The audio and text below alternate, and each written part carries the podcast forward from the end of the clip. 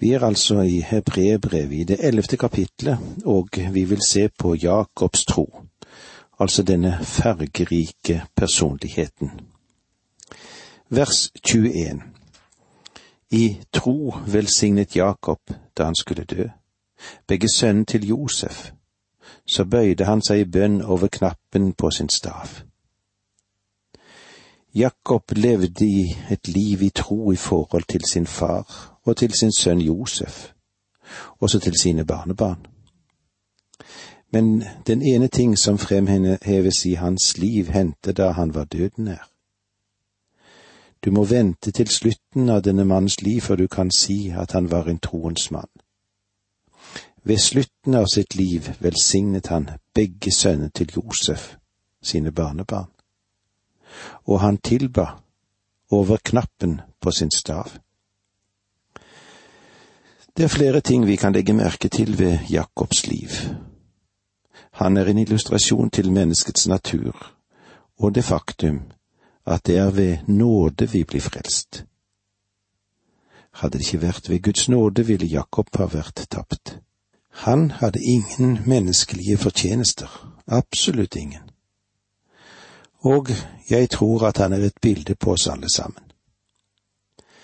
Men på tross av alle disse menneskelige momentene som fantes i hans natur, ser vi at Gud forvandlet hans liv. Først av alt ser vi i Jakobs liv at han var en lurendreier i forholdet til sin far. Gud hadde lovet Jakob velsignelsen, men han kunne ikke vente på den. Han tok den fra sin bror Esau ved en list, som senere tvang ham til å forlate sitt hjem, og han måtte tilbringe en natt under stjernene i Betel. Han hadde sterk hjemlengsel, men eh, det var ikke blitt noen forvandling i hans liv. Selv da han dro for å bo hos en onkel Labon, så stolte han fremdeles på sine egne forutsetninger. Så måtte Gud stoppe ham da han til sist vendte tilbake til landet. Herren stred med ham en natt ved Jakobs vadested. Den natten ga Gud ham også et fysisk handikap. Han måtte få tak i Jakob. Senere i Jakobs liv ser vi at den synd han hadde begått, møtte han igjen i Josef sitt liv. En dag brakte sønnene hans en blodig kappe til ham. Denne kappen hadde tilhørt Josef, og han sa til Jakob, Er ikke dette din sønns kjortel? Kjenner du den igjen? Og da begynte Jakob å gråte. På samme måte som han hadde lurt andre, ble han nå selv lurt av sine egne sønner til å tro at Josef var blitt drept. Fedrenes synder har en egen evne til å finne sin vei til barna, og dette er et eksempel på det. Men ved slutten av denne mannens liv viser oss her i Hebrebrevet at den sterke tro som Jakob hadde i forhold til sine to barnebarn, Efraim og Manasseh, i tro velsignet Jakob da han skulle dø. Han ligger dødende i sin seng, og her er det for første gang du kan trekke frem hans liv og si, ved tro, Jakob. Han velsignet begge sønnene til Josef, så bøyde han seg i bønn.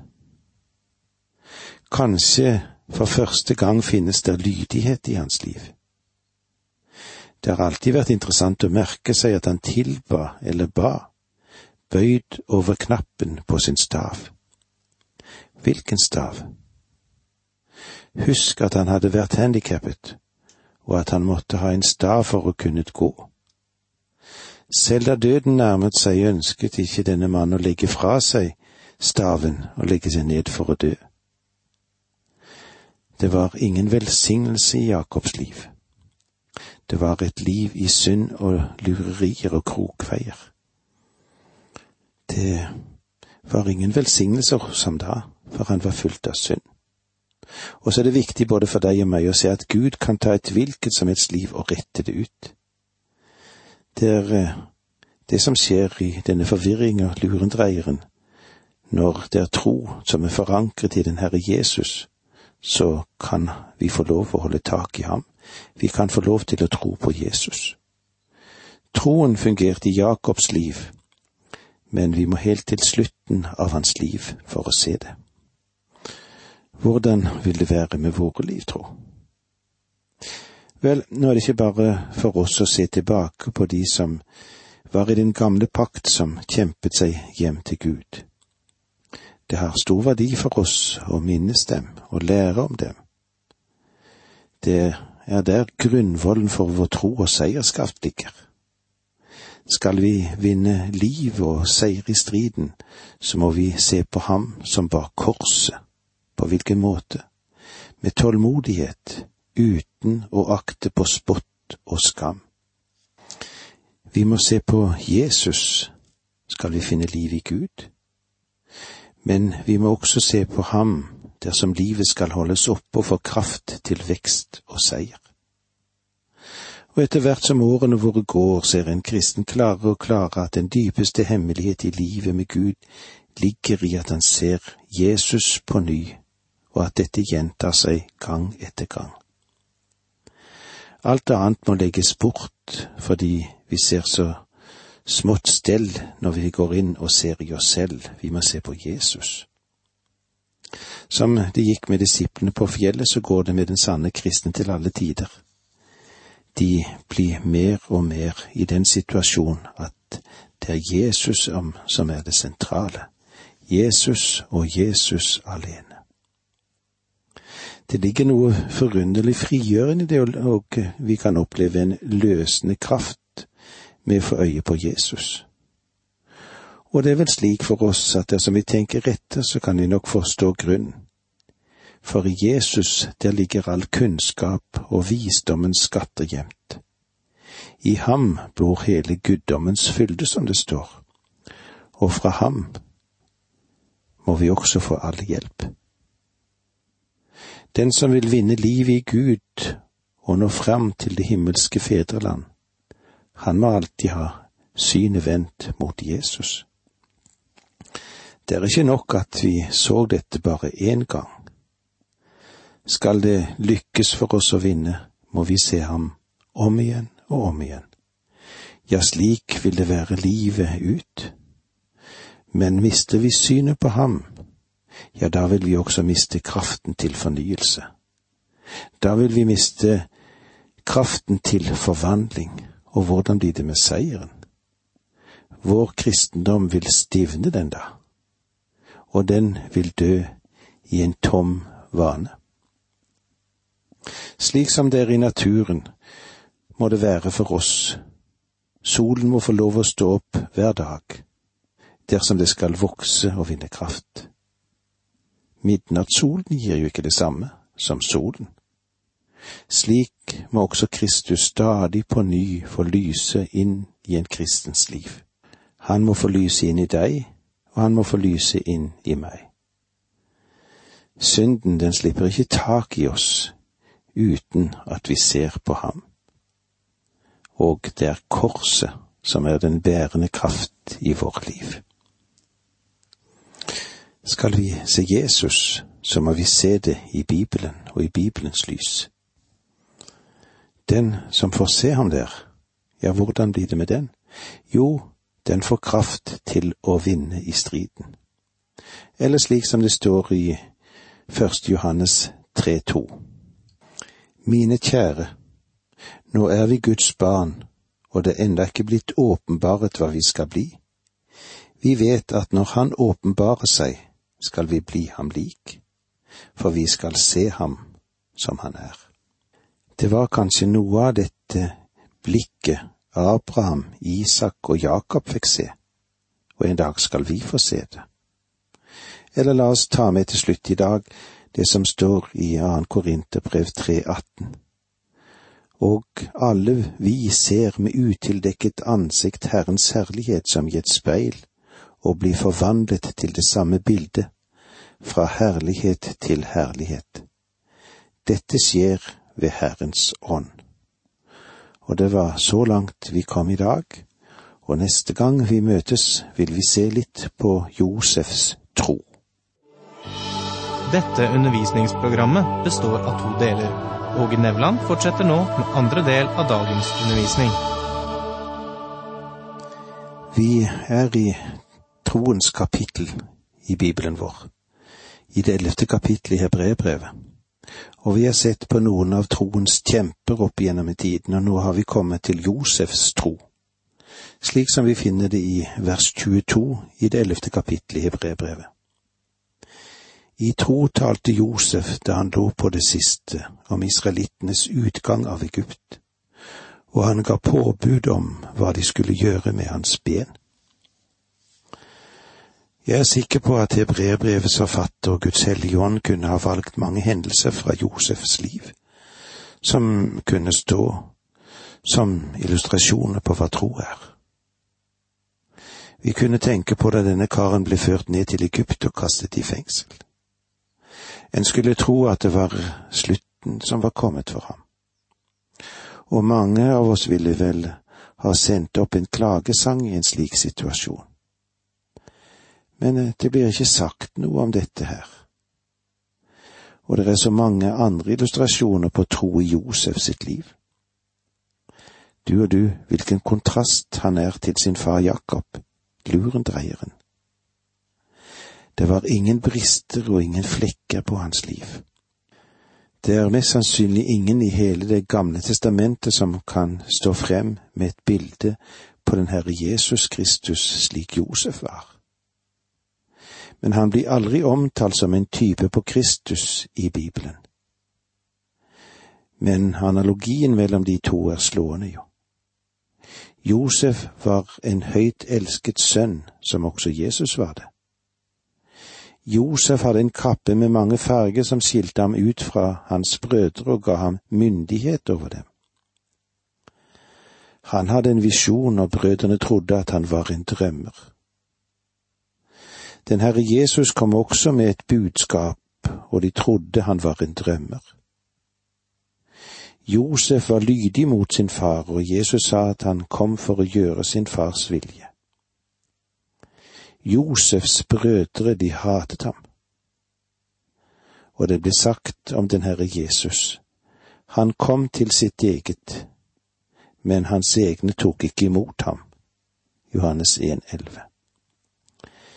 Josef ble sendt av sin far for å søke og besøke sine brødre. Og den Herre Jesus kom til denne jord for å søke det som var tapt. Josef han fant sine brødre som var hyrder der ute på marken. Hyrdene kom ved nattetid da den Herre Jesus var født. Hans brødre spyttet Josef, vraket ham og la opp en plan om å drepe ham. Det samme hendte med den Herre Jesus. Josef ble solgt som slave, og den Herre vi tjener ble solgt for 30 sølvpenger. Josefs kappe ble duppet i blod. Soldatene kastet terninger om Jesu kappe, som også hadde blodflekker på seg. Josef ble solgt til Egypt, der Gud oppreiste ham for å frelse, ja da på et materielt grunnlag, verden. Den Herre Jesus gikk inn i døden, etter at han hadde blitt fristet av verden, av kjødet og av djevelen. Hvorfor? For å bli verdens frelser. For hvem? Både for jøder og for hedninger. Mens han satt på troen, ga Josef folket brød. Kristus er livets brød. Mens han var i Egypt, tok Josef seg en brud blant hedningene. Den Herre Jesus kaller ut fra verden et folk for sitt navn. Josef gjorde seg selv kjent for sine brødre da de kom til Egypt. En dag skal den Herre Jesus gjøre seg selv kjent også for sine brødre. Det er interessant med Josef at han hadde tro på drømmen som ble gitt ham. Tro mens han satt i fengselshulen. Tro i Egypt. Det var troen som førte han gjennom alle de vanskelighetene og de omstendighetene som han møtte. En skulle tro at han ved slutten av sitt liv ville være fornøyd med Egypt, der hadde han jo fått en høy stilling. Men ikke denne mannen. Han sa, når dagen kommer at israelsfolket forlater dette landet, pass da på å ta med mine ben også. Hvorfor tok de da ikke hans legeme og begravde det i Efraim? Årsaken, den er ganske klar. Denne mannen var akkurat da en nasjonalhelt. Det ville vært en storm av protester om han ble ført ut av landet. Men det kom en dag da det oppsto en ny farao som ikke kjente noe til Josef, og da israelsfolket forlot landet, tok de med seg Josefs ben og begravde dem ved Sikhem i Samaria. Det var Josef. Mose, tro da. Nå har vi kommet til en av de andre store høvdinger i Det gamle testamentet. Vi beveger oss nå fremover i ganske mange år da Israel var slaver i Egypt. Moses representerer troens offer. La oss lese vers 23 i kapittel 11. I tro var det foreldrene til Moses gjemte gutten i tre måneder da han var født, for de så at det var et velskapt barn. De lot seg ikke skremme av kongens ordre. Moses hadde gudfryktige foreldre som var villige og sto på Guds side. Troen var involvert i selve Mose sin fødsel. Versene 24 og 25 I troen nektet Moses da han ble stor å være en sønn av faraos datter. Han ville heller lide vondt sammen med Guds folk enn å leve i kort tid i syndig nytelse. Her ser vi troen i funksjon. Vi ser den i funksjon i Moses sitt liv. Han ble oppfostret i slottet og ville kanskje ha blitt den neste farao. Men Moses hadde tro nok til å velge rett. Vers 26 Han holdt Kristi vannere for en større rikdom enn skatten i Egypt. Han så nemlig frem til lønnen som ventet ham. Her ser vi ennå en utenom Abraham som så Kristi dag og frydet seg. Moses gjorde det. Vers 27 I tro forlot han Egypt uten å frykte for kongens vrede. Det var som om han så den usynlige, og derfor holdt han ut. Moses hadde tro til å handle, tro til å føre til handling. Mange mennesker i dag sier jeg tror, jeg tror, men gjør ingenting. Får jeg lov til å si at tro åpenbarer seg i selve handlingen. Gud frelser oss uten våre gjerninger, men den tro som Frelseren skapte gjennom gjerninger, det er den som holder oss oppe. Derfor forlot Moses Egypt uten å frykte for kongens vrede. Det var som om han så den usynlige, og derfor holdt han ut. Vers 28 I tro holdt han påske og strøk blod på dørkarmene, for at en ødeleggende engel ikke skulle røre israelittenes førstefødte. Moses hadde tro til å lyde Gud. Gud ba ham om å gjøre dette, og Moses handlet. Og dette er eksempel på denne mannens hele liv. Han vraket gleden i Egypt, dro ut i ørkenen og kom tilbake for å utfri sitt folk. Dette er tro til å lyde Gud.